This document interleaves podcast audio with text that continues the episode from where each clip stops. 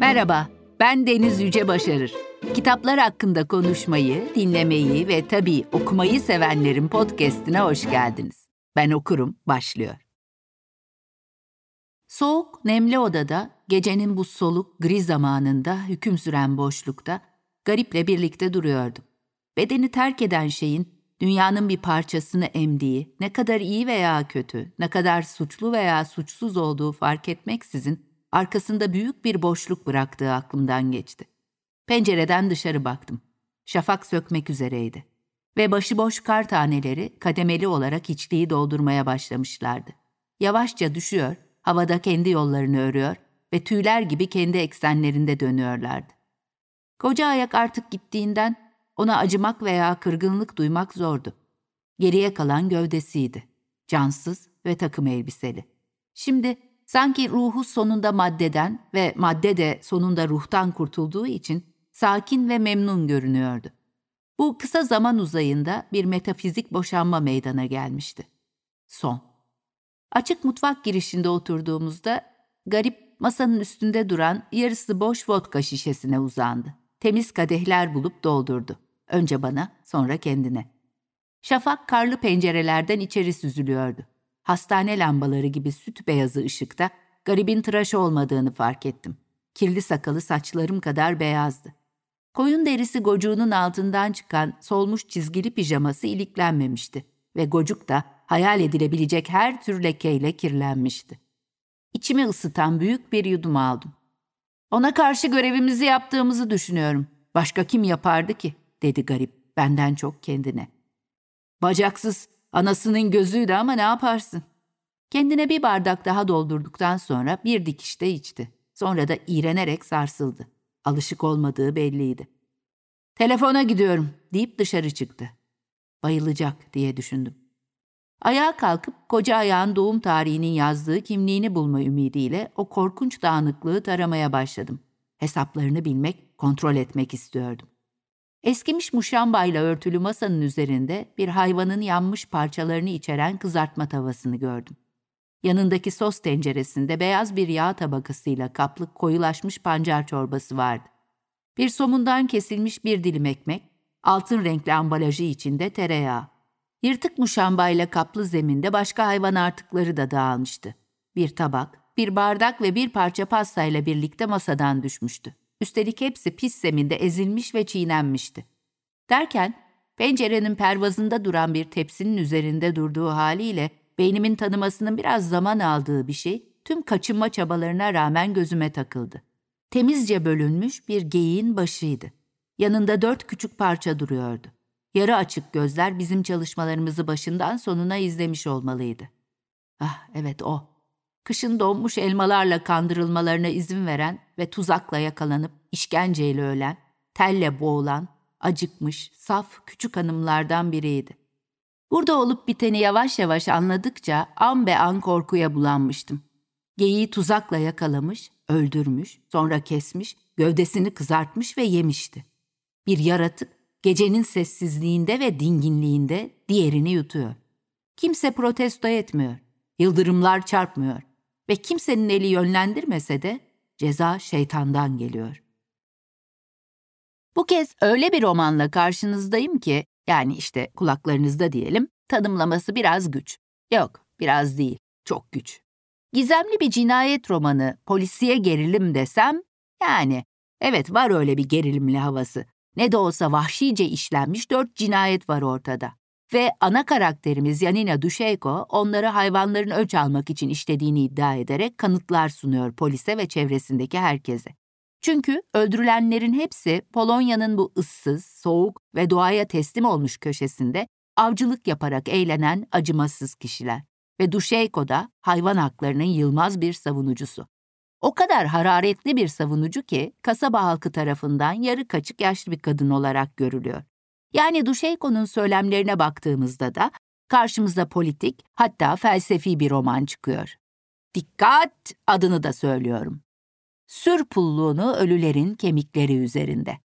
Karanlık bir yanı da var Olga Tokarczuk'un ülkesi Polonya'da 2009'da, İngiltere'de 2018'de, Türkiye'de de 2020 yılında yayımlanan bu eserinin neşeli, mizahi bir yanı da.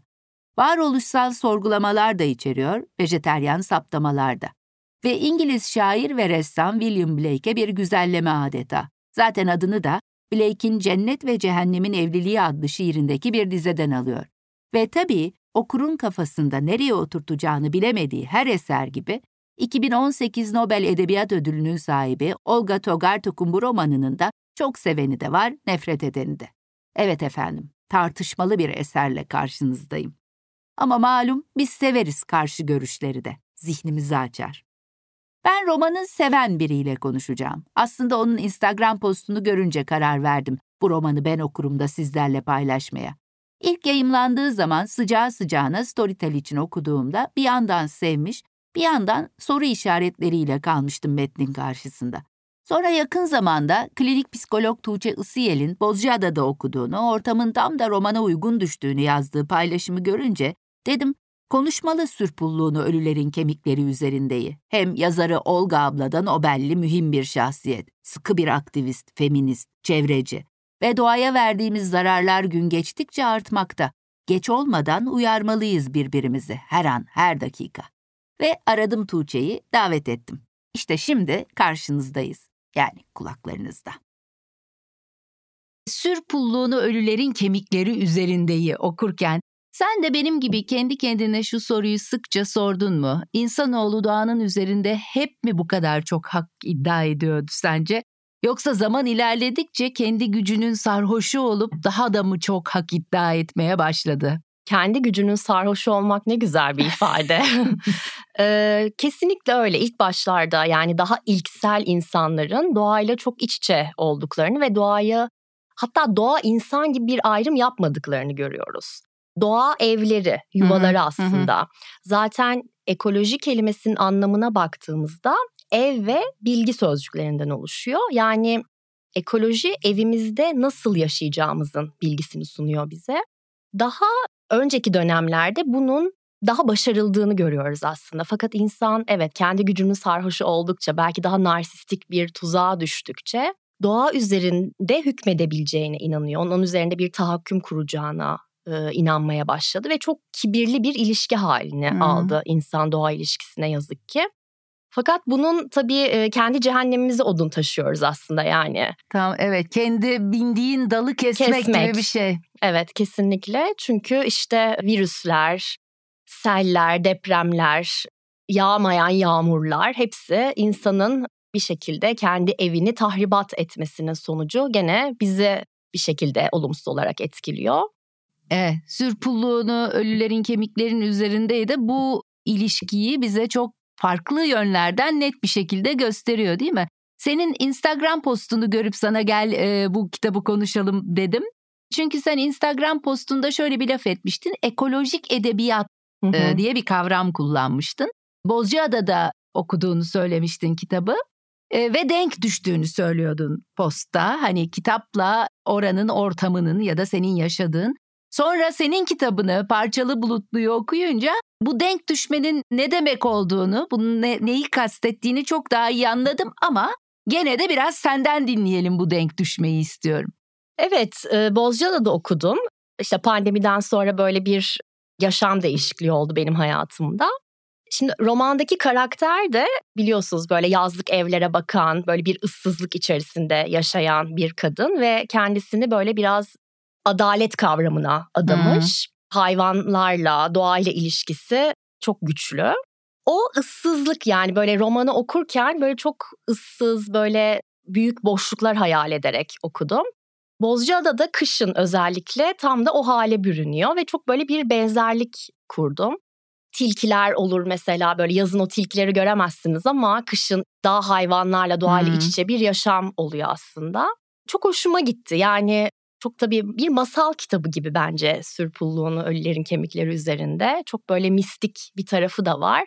Fakat bir yandan da o doğayla kurduğumuz kibirli ilişkiyi ve o adalet arayışını, insanın doğa üzerindeki tahakkümünü, gücünü bir istismar aracı olarak kullanmasını çok güzel ifade etmiş bir kitap olduğunu düşünüyorum.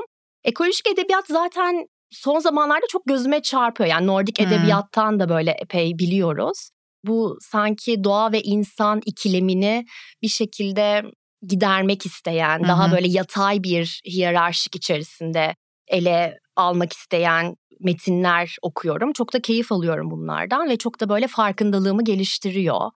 Sürpulluğun Ölülerin Kemikleri üzerinde de kitap adı da o kadar hoşuma gidiyor Evet, ki çok güzel. tekrarlayasım geliyor ama çok söylemesi uzun. kolay değil ama çok güzel bir isim. Çok gerçekten Onu da konuşuruz. evet, Evet. şiirsel. Yani orada tabii o otoriteyle sorunlar, o a- ataerkil yapıya dair bir takım işte meseleler e, çok güzel bence göz önüne serilmiş. İşte orada böyle hayvanlara büyük isimlerle ifade Hı hı. edilmesi bence Hı hı. çok hoştu. Sanki bir şekilde vermeyi unuttuğumuz ya da tercih etmediğimiz o değeri romanda görebiliyoruz. Evet. Olga Tokarczuk 1962 yılında Polonya'nın Sulaçov adlı bir kasabasında doğdu. Annesi de babası da öğretmendi. Entelektüel bir ortamda büyüdü. İlk öyküsü henüz 17 yaşındayken bir izcilik dergisinde Müstehar isimle yayımlandı. Varşova Üniversitesi'nde psikoloji eğitimi gördü. Carl Jung'a ilgisi o yıllarda başladı ve hiç bitmedi. Mezun olduktan sonra bir süre klinik psikolog olarak çalıştıysa da aradığını bulamadı ve bıraktı. Londra'ya gidip değişik ve önemsiz işlerde çalıştı. 1989 yılında ilk öyküsünün yayımlanmasından tam 10 yıl sonra bir şiir kitabı çıkardı. 1993 yılında 31 yaşındayken de ilk romanı Kitap İnsanlarının Yolculuğunu eline aldı. Hatta bu kitap ona ilk ödülünü de kazandırdı. Polonya Kitap Yayıncılarının verdiği bir ilk kitap ödülüydü bu. Karakters adlı dergide denemeleri yayımlanırken 1995 yılında da ikinci romanı E.E. geldi. Hemen ertesi yılda ona ülkesinde büyük başarı getiren Kadim Zamanlar ve Diğer Vakitler. Artık bayağı üretken bir yazar olmuştu Tokarczuk. Ve masalsı anlatımı Polonya edebiyatının yeni sesi olarak kabul ediliyordu.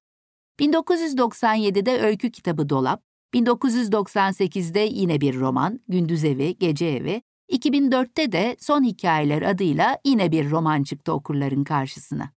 Gündüz Evi, Gece Evi onun takım yıldızı romanlar olarak adlandıracağı romanların ilkiydi. Yani birbirinden bağımsız gibi görünen ama birbirini tamamlayan anlatılardan oluşan romanlardan ilki.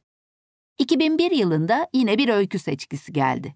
2007'de ona ilk Nike ödülünü kazandıran romanı Koşucularla birlikte sanki hayatının akışı da iyice değişti. Gece yatağında uykuyla uyanıklık arasında gidip gelen çocuklar gibi kendine masallar söylemek için roman yazdığını, gerçekle hayallerin arasındaki o sınır çizgisinden seslenen bir dille bir yandan anlatırken bir yandan da kendisinin de dünyayı keşfettiğini söyleyen Olga Tokarczuk yazmakla da kalmıyor. Edebiyat festivalleri düzenliyor, Polonyalı yazarların dünyada tanınması için çaba gösteriyor, üniversitelerde yaratıcı yazma dersleri veriyor, ülkesindeki Yeşiller Partisi'nin bir üyesi olarak çevre, hayvan ve insan hakları ile ilgili etkinliklerde onlara destek veriyor. Her fırsatta feministliğini vurguluyor, onur yürüyüşlerinde ön saflarda yer alıyor. Ve tabii tüm bu çabaları ve yazdıkları yüzünden ülkesindeki aşırı milliyetçiler tarafından sık sık hedef gösteriliyor. Ama yine de ülkesinin en çok satan ve en çok kazanan yazarlarından biri. Kendi adını taşıyan bir vakıf kurarak Polonya kültürünü tüm dünyada tanıtmak için kolları da sıvıyor. 2020 yılında kurulan vakfın temel amaçlarından biri çevirmenleri ve yazarları desteklemek ve bir araya getirmek mesela. Diğer bir hedefi de demokratik bir ortam oluşturmak. Özgür ifadenin değer gördüğü, ön yargılardan, kısıtlamalardan kurtarılmış bir ortam. Tabii yine çevre sorunlarına duyarlı, hayvan hakları, cinsiyet eşitliği konusunda hassas etkinlikler de düzenliyorlar. Polonya'da yasal olmayan LGBT derneklerine yardım sağlıyorlar. İleride sanatçılara burs vermeyi de planlıyorlar. Olga Tokarczuk hep bir aktivist olmuş. Ama asıl gücünü 2018 yılında layık görüldüğü, 2019 yılında da kavuştuğu Nobel ödülünden ve bu sayede eserlerinin 40'a yakın dile çevrilme şansı elde etmesinden ve doğal olarak bunun getirdiği maddi olanaklardan aldığı söylenebilir. Belli ki Olga ablamız üretken olduğu kadar mücadeleci ve yardımsever bir kişilikte.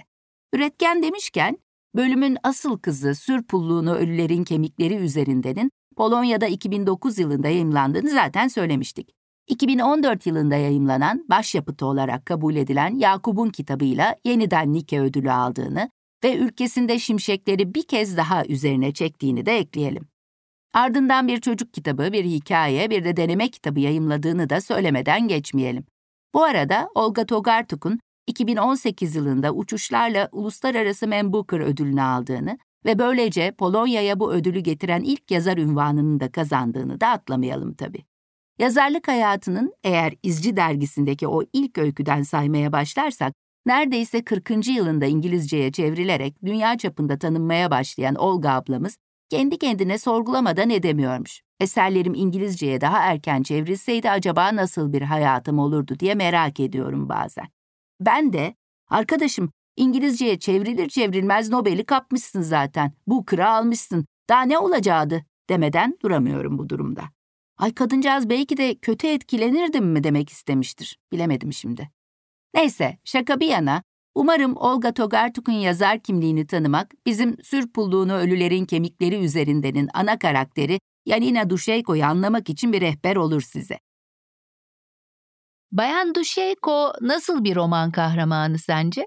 Duşeyko bence öncelikle çok mücadeleci biri, sözünü sakınmayan biri bir yandan öfkeli bir kadın. Hmm. Çok öfkeli. Çok yoğun bir adalet arayışı var. Dolayısıyla böyle zaman zaman o adalet arayışını bulamadığı için de çok yoğun çaresizlik e, duygusuna kapılıyor. O çaresizliği çok iyi vermiş bence roman. Tabii bir yandan da yalnızlığıyla çok barışık biri. Yani hmm. kendi kendine yeten biri. Fakat o adalet arayışında sanki dışarıdan bulamadığı adaleti kendi imkanlarıyla sağlamaya çalışıyor ve o adalet sağlama uğraşısında diyelim iyi kötü, ahlaklı ahlaksız bütün kavramlarda birbirine giriyor. Ama sevdim. Evet çatlak biraz. evet yarı kaçık. İsmiyle ilgili bir derdi var. Romanda da filmde de görüyoruz. Çünkü resmi isimlerin, soy isimlerin anlamsız olduğunu düşünüyor. Ve karşımızdaki insanı bizde uyandırdığı duyguya göre adlandırmamız gerektiğini Böylece tanıdığımız insan sayısı kadar ismimiz olacağını söylüyor. Öyle de yapıyor işte garip, müjde, siyah palto, işte koca ayak hep onun tanıdıklarına yakıştırdığı isimler. Bu bana şunu düşündürdü. Aslında çok yalnız, münzevi bir hayat sürüyor. Fakat yakınında olan insanlarla öyle bir bağ kuruyor ki onlara isim verecek kadar. Yani öyle bir gözlemliyor sanki o bütün hem zaaflarını, iyi taraflarını da görüyor ve bir şekilde ad veriyor onlara. Bir de şimdi şey aklıma geldi. İşte İngilizce öğretmenliği yapmadan önce e, köprüler yapıyordu. Hı-hı. Ve sonra sanki bunun böyle doğaya bir baş kaldırı olduğunu düşünüyor ve sanki telafi etmek istercesine o günahı, hmm. suçu neyse hmm. işte kendini hayvanlara, doğaya adıyor. O da böyle ilginç bir şey yani öyle bir yerden mühendislikten, köprü hmm. yapımından doğanın içine bu denli yerleşmesi sanki böyle bir şeylerin telafisini ediyormuş gibi hı hı. E, düşündürmüştü bana. Evet. Astroloji ilişkisi de romanda çok ön plana çıkan bir şey değil mi? Evet yani doğayı gözlemlemesi, o gezegenlerle kurduğu ilişki, işte ölüm tarihlerini bir şekilde doğum haritasından tespit etmesi çok yani tabii astroloji benim ilgi alanım değil ama böyle okumak ve işte düşünmek böyle çok hani mistik çok hoş bir his verdi bana. Bir yandan çeviri yapıyor, işte şiir çevirisi yapıyor. Okulda İngilizce öğretmenliği yapıyor. Çocuklarda da o sanki ekolojik bilinç dışına dair, o ekolojik farkındalığa dair birçok eylemlerde bulunuyor. Bilmiyorum filmi izlediniz İzledim, mi? Filmde e, o çocuklarla hani gece vakti kızları, köpekleri evet, aramaya evet. çıkıyorlar ya ve herkes karşı çıkıyor ama çocuklar da bir yandan çok seviyorlar. Film o çocuklarla olan ilişkisini çok güzel. Evet filmde daha da belirgindi, belirgindi değil mi? Evet, ee, evet. O ilişki. Bir, bir, zaten ufak tefek farklılıklar vardı romandan. Ee, evet. Ee, ama genel olarak atmosferi veren bir filmdi diye düşünüyorum. Sürpulluğunu Ölülerin Kemikleri üzerinde 2017 yılında Agnieszka Holland tarafından İz adıyla sinemaya da uyarlandı sohbetten anladığınız gibi. Yönetmenle birlikte Olga Tokarczuk'un da senaryoda imzası vardı. Orijinal ismi Pokot olan filmi izleyemezseniz bile afişine dikkatle bakın derim. Afişteki kurdun birbirinden farklı bakan iki gözünde ne görüyorsanız onu konuşuyoruz bu romanda işte. İnsan öldürdüğümüzde cinayet adını verdiğimiz eylemin, hayvanları katlettiğimizde av adı altında bir spor dalı, bir eğlence haline gelmesi doğal mı, doğru mu? Ya hayvan olmakla insan olmak arasındaki çizgi ince mi, kalın mı? Hayvan haklarıyla insan haklarını nasıl karşılaştıracağız? Hepsinin ötesinde niye varız biz? Ne işe yarıyoruz doğayı katletmekten öte? Ve adalet nasıl işlemeli sizce? Yazgıya mı kendini bırakmalı insan, kendi ellerine mi almalı onu? Canlıların haklarını savunmak ve can almak. Nasıl bir ikilem bu?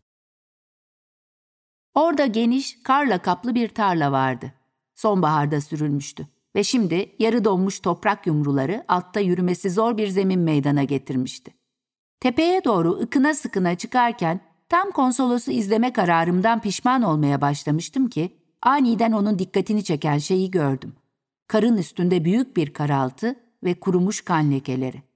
Konsolos biraz yukarıda dururken sanki "Görüyor musun? Görüyor musun?" der gibi bana sakin ve korkusuzca bakıyordu. İşte sana gösterdim. Şimdi uğraş dur bakalım. Sonra koşup gitti. Yanına varınca karaltının bir yaban domuzu olduğunu gördüm. Pek yetişkin değildi. Kahverengi bir kan birikintisinin üstünde yatıyordu.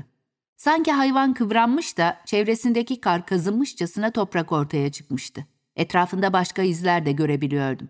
Tilkilerin, kuşların ve geyiklerin. Birçok hayvan burada bulunmuştu. Cinayeti kendi gözleriyle görmeye ve zavallı gencin ardından yas tutmaya gelmişlerdi. Domuzun cesedine bakmaktan çok izleri incelemeyi tercih etmiştim. Kaç kere ölü bir beden görülür? Bunun sonu yok mudur? Ciğerlerime bir acı saplandı. Zor nefes aldım. Kara oturdum. Gözlerim bir kez daha yaşlarla dolmuştu. Kendi bedenimin devasa, dayanılmaz yükünü hissediyordum. Neden konsolosu takip etmeyip başka bir yöne gitmemiştim? Onun hüzünlü patikalarını görmezden gelmemiştim. Her cinayete tanık olmak zorunda mıydım? Gün oldukça başka geçebilirdi. Başka günlerde belki. Kurşunların çarptığı yerleri görebiliyordum. Göğsünden ve karnından. Yaban domuzunun nereye gittiğini görebiliyordum. Sınıra doğru, Çekya'ya. Ormanın diğer tarafında duran yeni av kulübelerinden uzağa. Oradan vurulmuş olmalıydı ki Çekya'ya kaçma çabasıyla yaralı halde bir hayli koşmuştu. Keder, büyük keder duymuştum. Her ölü hayvan için bitmeyecek bir yas duygusu. Biri bitiyor, öteki başlıyor. Bu yüzden hep yastayım. Durumum bu. Kanla lekelenmiş karda diz çöküp domuzun kaba tüylerini okşadım. Soğuk ve sert.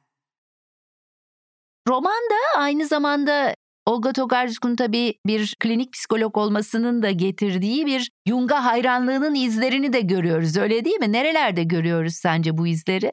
Sanki kolektif bilinçaltına dair ya da böyle gölge arketipine dair yerlerde gördüğümüzü düşünüyorum. Çünkü o hayvanlarla ilişki, insanın o kötü ve karanlık tarafı, gölgesi aslında biraz böyle o gölge kavramı üzerinde. Sanki Jung'un o gölge kavramını epey kitabına sindirmiş gibi geldi bana. Hı hı. Peki rüyalar Bayan Düşeyko'nun çünkü neredeyse yol göstericisi gibi rüyaları da ağırlıklı değil mi romanda? Evet tabii hem dediğiniz gibi hem de Jung böyle rüyaları geleceğin habercisi gibi görür ya. Hı hı. Ve işte William Blake'in şiirlerinden epigraflar var. William Blake de yani Tabii. rüyalardan bayağı mesaj aldığını düşünüyor. Hatta bu bakır levhalar üzerine yazılı metni renkli resimlerle bezeme tekniğini rüyasında ölen kardeşinden öğrenmiş. Ve buralarda herhalde bir benzerlik var o rüya kavramı ve gölge arketipi üzerinden. Tabi orada Blake'in hayatında da böyle biraz sanki Jungvari esintiler görmek mümkün. Hı. O yüzden hepsi ilişkili. Evet, e, zaten e, gerçekten William Blake de bence konuşulması gereken bir e, konu. Çünkü daha romanın adından başlayarak, çünkü e, William Blake'in bir dizesinden alıyor roman adını. Sürekli ismi geçen bir karakter gibi neredeyse değil mi? Evet böyle sanki rehberi gibi, Hı. sanki bir ne diyelim yol arkadaşı gibi ruhsal bir bağlantı kurduğu biri sanki William Blake. Bir yandan da tabii Blake'in hayatında biraz böyle araştırmıştım kitabı okuduktan sonra. Çok yoğun psikotik depresyonlar var aslında kardeşinin ölümünden sonra. Biraz roman kahramanında da o azıcık böyle psikoza kayan, sanki gerçeklikle bağının koptuğu. Belki köpeklerinin e, ölümünden sonra diyebiliriz evet, sanki doğru, değil mi? Doğru, Hı hı. köpeklerin ölümünden sonra, kızlarının ölümünden Kızlarının, sonra evet. e, biraz böyle orada bir depres, depresyon arkadaşlığı gibi de Hmm. sanki. Ama işte William Blake ne yapıyor? O depresyonunu işte eserlerine yansıtarak aslında bir süblimasyon sürecine giriyor, süblime ediyor. E, romanda da bu süblimasyonu görüyoruz. İşte hayvanlara yardım ederek o Hı hı. adalet arayışında bir şekilde dönüştürülüyor. Yani burası kıymetli tabii ki. İşte bu Blake'in vizyonları çok ilginç e, geldi. Yani araştırınca işte Tanrı'nın kafasını görüyor. İşte Hmm. melekler iniyor ona. Bir şekilde sürekli haber alıyor onlardan ve bunları böyle resmine çok güzel bir şekilde yansıtabildiğini düşündüm. Normalde bu kitabı okumasaydım belki oturup Blake'i araştırmazdım. Ama gerçekten çok etkileyici, çok fantastik resimleri var. O böyle çok ilgimi çekti. Jung'a göre bilinç dışı zihinsel atıkların toplandığı yer değil, bilincin yaratıcı kaynağıdır. Kişisel bilinç dışından kaynaklanan rüyalarda daha çok bireyin özel yaşantısıyla ilgilidir. Kolektif bilinç dışı ise kişisel deneyimlere dayanmaz. Jung, evrimin insanın ruhsal yapısını da etkilediğini savunur. Her dönem üzerine bir şeyler eklenir kolektif bilinç dışının. Tüm insanlığa özgü özellikler bir depo gibi toplanır burada. Rüyalarda tezahür eder onlarda. Ve Jung, kolektif bilinç dışının arketiplerden oluştuğunu söyler. Bunların evrensel olduğunu da. Doğum, ölüm, kahraman, ay, güneş, rüzgar, anne, daire, yüzük, silah, bilge ihtiyar, ırmak bunlardan bazılarıdır. Arketipler insanın doğasına dönmesinde birer köprü gibi işlerler ve rüyalarda sembollere dönüşürler. Kitabı okuduğunuzda Bayan Düşeyko'nun rüyalarına bir anlam yüklemek isterseniz bu kısa bilgi de duruversin kulacığınızda. Ya da Olga ablamızın yarattığı dünyada Jung amcamızın izlerini sürmek isterseniz. Bilirsiniz siz zaten de hatırlatma olsun diye. William Blake konusuna gelince o vallahi çok derin mevzu. Sür pulluğunu ölülerin kemikleri üzerindenin her bölümünün başında Blake'den bir epigraf yer alıyor. Ayrıca kitap boyunca Bayan Duşeyko ve arkadaşı Dizio eserlerini çevirmeye uğraşırken şairin dünyası ve dizeleri sık sık karşımıza çıkıyor. Ana kadın karakterimiz astrolojik düzenle yeryüzü düzeni konusunda fikir yürütürken de Blake'in Urizen dünyasına gönderme yapılıyor. Tuğçe'nin de dediği gibi William Blake de çok ilginç bir sanatçı. Mistik bir karakter olduğunu söylemek yanlış olmaz sanırım. Daha küçücük bir çocukken tanrı ve melekleri gördüğünü söyleyecek kadar. Gravür, oymacılık ve resim şiirin dışında çalıştığı sanat dalları. Kendine göre sahici, başkalarına göre aykırı olma yolunu seçmiş biri o. Halüsinasyonlar gören, kaçık olarak nitelendirilen, yaşarken pek kıymeti bilinmese de ölümünün ardından dehası kabul gören biri.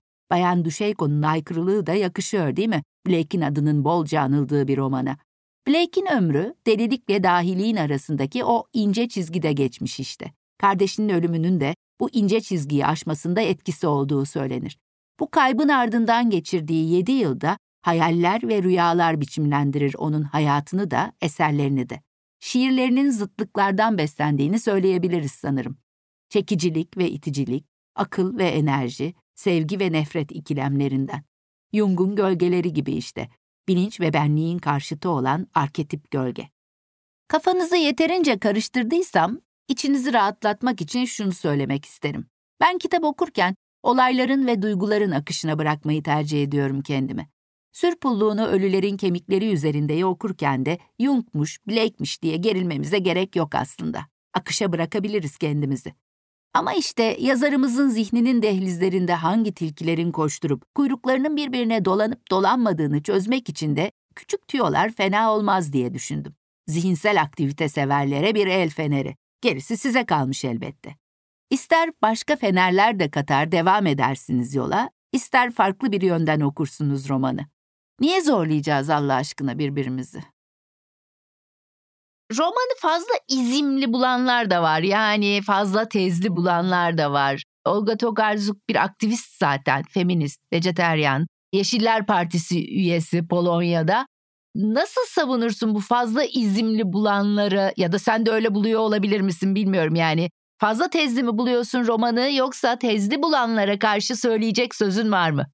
Fazla izimli bulmuyorum. Yani bir şekilde yazar bunları aktarabilir yani derdi buysa. Sadece evet yani böyle bir propaganda yapıyor mu gibi belki düşünebiliriz. Çok öyle gelmedi ama bilmiyorum yani et yeme işte et, e, ceset parçaları diyor ya etlere Hı hı, dair. hı. Oralarda böyle böyle biraz kendimi sorguladım açıkçası öyle söyleyebilirim. Ama çok böyle aykırı, beni rahatsız eden bir uç düzeyde değildi. Hı hı. Peki yazarın bu aktivistliğinin ekolojiye önem vermesinin Nobel almasında etkisi olmuş mudur sence? Ama Nobel konusu benim için biraz karışık yani. Kim için değil ki? değil mi? hani gerçekten keşke etkili olsa ama böyle şeylere bak bakıyorlar mı, bakılıyor mu? Neye yani, bakıyorlar Neye bakıyorlar? Ya da? Oralarda kafam karışık. Yani bütün ödüllere dair kafam karışık da Nobel, Nobel özellikle. Umarım yani böyle bir ekolojik hassasiyete sahip birine Nobel verme konusunda yani umarım Belki de e, Polonya'da milliyetçilerin pek de hoşlandığı bir şahsiyet olmamasının da etkisi Belki olabilir. Belki de evet, evet evet yani biraz o aykırı tarafı. Evet olabilir. Olga Tokarczuk bütün hayvan türlerini özel isim gibi büyük harfle yazmayı tercih etmiş roman boyunca. Geyik ya da domuz dediğinde bir özel isim gibi sergiliyor onları metninde. Ana karakterinin yaklaşımını bize sadece anlattığı olaylarla değil, biçimsel olarak da çok net hissettiriyor böylece. Bayan Duşeyko da çevresindeki insanların kimliklerindeki isimleri yerine onların kişilik ya da fiziksel özelliklerini belirten sıfatlar kullanmayı tercih ediyor. Örneğin, kendi gibi yalnız yaşayan, aşırı düzenli komşusu Garip ya da kasabada bir ikinci el dükkanında çalışan Müjde ya da ilk cinayetin kurbanı olan Koca Ayak ya da Garip'in oğlu polis şefi Siyah Palto, Peder Işırtı falan. Böyle gidiyor isim listesi. Bu hitapların iki istisnası var. Biri birlikte çeviri yaptıkları genç arkadaşı Dizyo, diğeri de romanın ikinci yarısına dahil olan böcek bilimci Boros ki onun gerçek adı bunu biliyor. Şimdi ben çevirmeni ve yayın evini kızdırmayı göze alarak bu Dizyo'nun da aslında bir lakap olduğunu iddia etsem. Ama diğerleri çevrilirken bunun atlandığını. Sanki Dizyo'nun şaşkın, sarsak falan gibi bir lakap olduğunu düşünüyorum. Neyse, dönelim biz konumuza. Romanı bir suç ya da gerilim romanı gibi okumak da mümkün aslında. Çünkü dört tane cinayet var ve o cinayetlerin çözümlenmesi meselesi var falan. Ama sen de okurken bende mesela bu yanı o kadar ağır basmamıştı. Sen de okurken daha felsefi yanı ya da bu ekolojik yanı mı ağır bastı yoksa bu gerilim tadını da aldın mı? Gerilim tadını da aldım tabii ki ama evet bir suç romanı demem. Yani daha o ekolojik farkındalık yaratmaya çalışan bir hmm. roman olarak gördüm açıkçası. O gerçekten doğa insan ilişkisi, o ikilem üzerine daha çok kafa yoran bir metin gibi geldi. Gerilim evet yani evet gerildiğim zamanlar oldu bu cinayetler işte yakalanacak mı yakalanmayacak mı ne olacak çok da spoiler vermek istemiyorum tabii, ama tabii. Ama daha çok yani daha böyle ekolojik bir metin olarak ele aldım açıkçası. Hı hı. E, doğa ve hayvanlar dediğin gibi ekoloji meselesi daha ön planda romanda ama aynı zamanda bedenimizle ilişkimiz, yaşlılıkla, yaşlanmakla ilişkimiz de önemli gibi geliyor bana değil mi? Onlar da zaman zaman Bayan Duşeyko aracılığıyla bizi düşünmeye sevk ettiği kavramlar bunlar da. Evet belki şöyle düşünebiliriz. Doğada kusursuzluk diye bir şey yok. mükemmel diye bir şey yok. Bizler insanlar olarak bir mükemmellik saplantısı içindeyiz ve sanki o kusurlu taraf, insanın zaafları, karanlık tarafları aslında doğada da gördüğümüz şeyler. İnsan da doğanın bir parçası olduğu için tüm bunlar insana da içre kavramlar. Hı hı, Çünkü insan hı. doğaya içre zaten. O yaşlanma, o işte o köhne evler, manzaralar o sisli. Yani sanki çok böyle günlük güneşlik bir hava değil orası. Ve sanki o insanın hem karanlık tarafı hem kusurlu yanlarına bir gönderme yapıyor. Hı hı. Hı hı. Bir de e, Bayan Duşeyko kendi bedeninin de bozulduğu ve bunlarla ilgili de bakış açısı çok şey e, kabullenici, kabullenici diyebiliriz değil evet, mi? Evet, evet. Kabullenici. Pek estetik üzerinden tanımlamıyor çünkü doğa insanı. Yani evet, evet. E, doğayla o kadar bağlantılı olduğunuzda sanırım yaşlanmak, ölüm, hasarlar, kusurlar o kadar da belki göze batmıyor. Daha hoşgörüyle ve daha bir kabullenişle Hı-hı. karşılıyorsunuz sanırım. Böyle doğayla uğraşan insanlara da baktığımızda da öyledir ya yani böyle bir kendiliğindenlik, bir spontanlık, bir ke- hayatı ve kendini sanki olduğu gibi kabul etme halini görürüz. Ee, Bayan Duşeyko'da da aynı şekilde bunu görüyoruz aslında. Evet genel olarak yalnız bir kadın tabii ki evet. Bayan Duşeyko. Her ne kadar roman boyunca belli ilişkiler içine girdiğini görsek de biraz herhalde şunu da aykırılığı, çevremizdekilerle olan ilişkimizi ya da ilişkisizliğimizi de düşündürtüyor değil mi roman? Evet o teması yalnız bir kadın doğru bir yandan da aradığını da bulamamış ama sanki böyle işte etrafındaki 4-5 kişiye de epey kıymet veren biri. Hı hı. Yani onların da kıymetini biliyor böyle yüzeysel ilişkiler kurmuyor aslında derinlikli ilişkiler kuruyor. Fakat işte dünya hassas kalpler için bir cehennem sözünü de sanki doğrultuyor. Yani biraz dünya ve anlaşılamamak onun cehennemi de oluyor bir, hmm. bir taraftan. İnsafsızlıktan kaynaklanan her ölümün topluma teşhir edilmeyi hak ettiğini düşündüm. Böcek ölümünün bile. Kimsenin fark etmediği bir ölüm iki kez skandaldır. Ve ben Boros'un yaptıklarını sevmiştim. Aa evet beni ikna etmişti. Tamamen onun tarafındaydım. Yine de günlük turuna devam etmek durumunda olduğundan yararlı ile ilginci birleştirmeye karar verdim. Böylece Boros'la ormana gittik. Onun yardımıyla ağaç gövdeleri bana sırlarını açmışlardı. En sıradan kökler, buralarda koridorlar, odacıklar ve geçitler açıp değerli yumurtalarını bırakan yaratıkların krallıkları çıkmıştı. Larva güzel olmayabilirdi. Ancak onların güven duygusundan etkilenmiştim. O dev, hareketsiz yaratıklar aslında çok kırılgan yaşamlarını, ayrıca tamamen insanların takdirine kaldıklarını düşünmeden ağaçlara emanet etmişlerdi. Larvaların ateşlerde can verdiklerini düşünmek zordu. Boros, diğer nadir ve daha az nadir örnekleri göstermek için ormandaki çerçöpü kazımıştı. Keşiş böceği, tahta kurdu. Kim düşünürdü ki onun burada yaşadığını? Bir tabaka kabuğun altında. Altın zemin böceği. Ah, ismi buydu demek. Önceden çok görmüştüm. Onun hep parlak ama isimsiz olduğunu düşünmüştüm. Palyaço böceği, bir civa damlası gibi güzel. Nadir görülen geyik böceği, ilginç bir isim. Böceklerin isimleri çocuklara verilmeli. Kuşların ve diğer hayvanların da tabii. Mayıs böceği Kowalski, meyve sineği Novak, karga Duşeyko. Bunlar hatırlayabildiğim isimlerden sadece bazıları. Boros'un elleri ilizyon numaraları yapmış, gizemli işaretler çizmiş ve ne çıksa beğenirsiniz. Bir böcek çıkmıştı ortaya. Bir larva veya bir küme halinde yatan küçük yumurtalar. Hangisinin yararlı olduğunu sorduğumda Boros öfkelenmişti. Doğanın bakış açısına göre hiçbir yaratık yararlı ya da yararsız değildir. Bu insanlar tarafından yapılan aptalca bir ayrımcılıktır. Peki Olga Tokarsuk'un dili konusunda neler söylersin? Dili konusunda çok böyle fantastik masalsı bir tarafı var. Evet, şiirsel hatta şiirsel, biraz. Evet yani tabii burada çevirmeni de tebrik etmek lazım belki.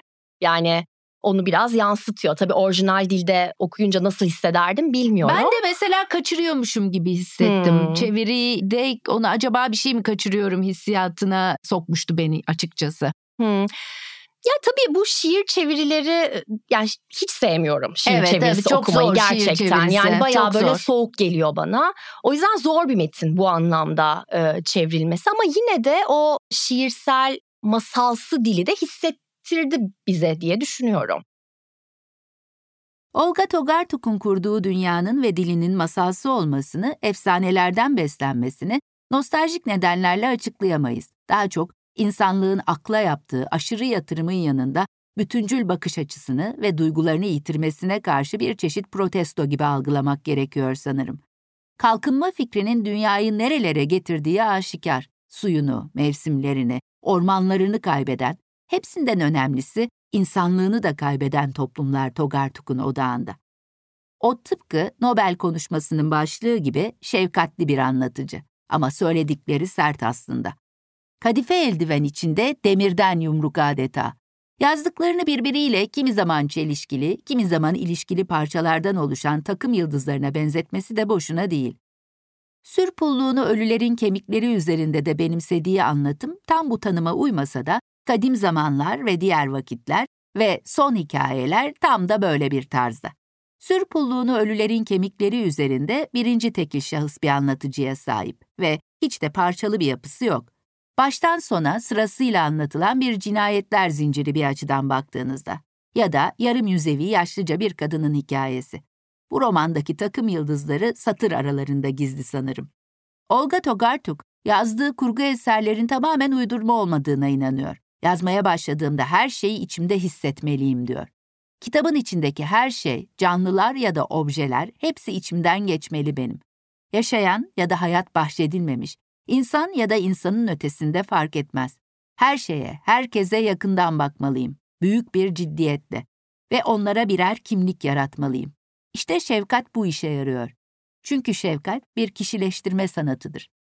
Duyguları paylaşma, sonsuzca benzerlikler bulma sanatıdır. Dünyayı birleştiren tüm parçalara ses veren, alan açan şeyin hikayeler olduğuna inanan şefkatli bir anlatıcı anlayacağınız Olga Togartuk. Şefkat sayesindedir ki bir çaydanlık dile gelir diyecek kadar tatlı bir anlatıcı. Şefkat sevginin en mütevazı biçimidir diyecek kadar da sevecen. Eğer henüz tanışmadıysanız onunla bir yerden başlayın derim muhakkak. Biz sür pulluğunu ölülerin kemikleri üzerindeyi konuştuk ama sert gelirse size, hoş şiirselliğinin yanı sıra muzip bir dili de var Olgacığımızın, neyse yine de belki kadim zamanlar ve diğer vakitleri alır elinize, dünya tarihi gibi bir masalın içinden geçersiniz kim bilir. Hem kim istemez bir takım yıldızın kuyruğuna takılıp onun masalının peşinden gitmeyi? Bölümün esas kızı Sürpulluğunu Ölülerin Kemikleri üzerinde Neşet Taluy Yüce'nin çevirisiyle Timaş yayınları tarafından ulaştırılıyor okurlara. Kadim zamanlar ve diğer vakitlerle son hikayeler de öyle. Koşucularsa Alabanda yayınları tarafından yine aynı çevirmenin imzasıyla yayımlanmıştı. Bir de baskısı Kalem Kültür Yayınları tarafından yapılmış Aç Gözünü Artık Yaşamıyorsun adlı öykü seçkisi var Türkçe'de. Sözünü ettiğimiz ilk üç kitabın sesli kitap versiyonlarını Storytel'de bulmak mümkün. Sesimden sıkılmadıysanız, Sürpulluğunu Ölülerin Kemikleri üzerindeyi benden dinleyebilirsiniz. Ya da Kadim Zamanları Damla Sönmez'den veya Son Hikayeleri Derya Alabora'dan. Aç Gözünü Artık Yaşamıyorsun adlı öykü kitabını ise Özlem Zeynep Dinsel seslendirmiş. Bu üç harika kadının adını anmak için fırsat oldu bu da bana. Bölüm konuğumsa klinik psikolog ve psikoterapist olarak çalışmanın yanı sıra 10 yılı geçkin süredir çeşitli dergi ve gazetelerde inceleme, deneme, eleştiri yazıları kaleme alan, ilk kitabı ya hiç karşılaşmasaydık'ı hazırlamak üzere yola çıktığımızda tanıştığımız sevgili Tuğçe Isıyel'di. Sonra kitabı yayına birlikte hazırlayamadık ama ben onun okuru oldum. Son kitabı Parçalı Bulutlu da 2022 yılının Kasım ayında Okyanus Yayın Evi logosuyla raflarda yerini buldu. Bir adanın kış aylarının hüznünün sindiği, kendiyle baş başa kalabilmenin ve doğanın gücünü hissettiren ve edebiyattan da beslenen zengin metinler öneririm. Tuğçe'ye ben okuruma katılıp benimle sür pulluğunu ölülerin kemikleri üzerindeyi konuştuğu için çok teşekkür ediyorum. Rebecca Solnit'in bir lafı geldi şimdi aklıma. Diyor ki bir yarayı görünür kılarak ortaya çıkarmak genelde onu iyileştirmenin ilk adımıdır. Belki bu kitap okunmalı çünkü o yarayı, o doğayla kurduğumuz o tahribat ilişkisini ve o adaletsizliği çok güzel öne çıkartıyor. Yani o yaranın adını koymak için önce yarayı görmek lazım. Bu metin de onu yapıyor gibi geliyor bana. Evet, ben okurumun bir bölümünün daha sonuna geldik. Ama malum okuma serüvenimizin sonu yok. Bana kitap önerilerinizi yazmak isterseniz e-posta adresim benokurum2020@gmail.com ve son sözü sürpulluğunu ölülerin kemikleri üzerindeye bırakıyoruz. Şimdi o av kulelerinin neden toplama kamplarındaki gözetleme kulelerine çok benzediğini ve onlara kürsü denildiğini daha iyi anlıyordum. Kürsüde insan kendini diğer yaratıkların üstünde görüyor ve onların yaşam ve ölüm hakkını kendine bahşediyor. Bir tiran ve gaspçı haline geliyor. Rahip ilham ve coşkuyla devam etti. Toprağı denetiminiz altına alın. Bu sizleredir. Tanrı bu sözcükleri siz avcılara yöneltti. Zira Tanrı yaratma işinde yer alması ve bu işin sonuna kadar devam etmesini garantilemek için insanı yardımcısı yaptı. Avcılar Tanrı'nın armağanına göz kulak olma mesleklerini devam ettireceklerdir ki bu doğaya bilinçli olarak sağduyuyla ve akıllıca davranmaktır. Birliğinizin başarılı olmasını, üyelerinize ve tüm doğaya hizmet etmesini dilerken sıradan çıkabilmiştim nihayet. Tuhaf bir şekilde sertleşmiş bacaklarımla kürsüye yürüdüm. "Hey, sen in oradan aşağı." dedim. "Bu kadar yeter." Sessizlik olmuştu ve sesimin tonozdan ve koridordan yansıyarak güçlendiğini duydum zevkle. İnsanın burada kendi vaazından etkileneceğinden şüphe yoktu. Sana söylüyorum. Beni duyamıyor musun? İn aşağı. Peder ışırtı gözleri iyice açılmış halde bana bakmıştı. Korkmuştu, dudakları titriyordu. Hazırlıksız yakalandığından söyleyecek uygun bir şey bulmaya çalışıyormuş gibiydi. Ama yapamamıştı. Ama, ama demeyi sürdürmüştü. Ne çaresiz ne de saldırganca. Hemen o kürsüden in ve buradan defol diye bağırdım. Sonra birinin elini kolumda hissettiğimde üniformalı adamlardan birini arkamda gördüm. Kolumu çektim ancak başka biri koşup birlikte kollarımdan sıkıca yakalamışlardı. Katiller! Çocuklar korkuyla bana bakıyorlardı. Kostümleri içinde gerçek dışı doğmak üzere olan yeni bir yarı insan, yarı hayvan ırkı olarak görünüyorlardı. İnsanlar koltuklarında mırıldanmaya ve kıpırdanmaya başlamışlardı. Birbirlerine öfkeyle fısıldıyorlardı.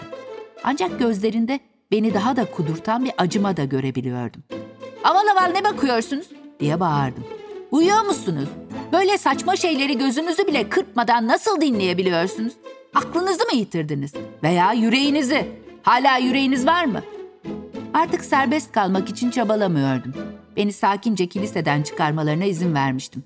Ancak tam kapıda dönüp onlara bağırmıştım. Defolun buradan. Hepiniz. Hemen şimdi. Kollarımı salladım. Defolun. Kışt. Hipnotize mi oldunuz? Merhametinizin son kırıntılarını da mı kaybettiniz? Lütfen sakin olun. Burası daha serin, dedi adamlardan biri dışarı çıktığımızda. Diğeri tehdit edercesine ekledi. Yoksa polisi çağırırız. Haklısınız, çağırın polisi. Burada suça azmettirme var. Beni bırakıp geri dönmemem için ağır kapıyı kapatmışlardı. Peder hışırtının vaazına devam ettiğini tahmin ediyordum. Alçak bir duvarın üstüne oturup yavaş yavaş kendime geldim. Sinirim geçmişti ve soğuk rüzgar yanan yüzümü serinletmişti. Öfke her zaman arkasında içine aniden bir tasa selinin aktığı, başlangıcı veya sonu olmayan büyük bir nehir gibi çağlamaya devam ettiği kocaman bir boşluk bırakır. Gözlerim yaşarmıştı. Göz pınarlarım yeniden dolmaya başlamıştı.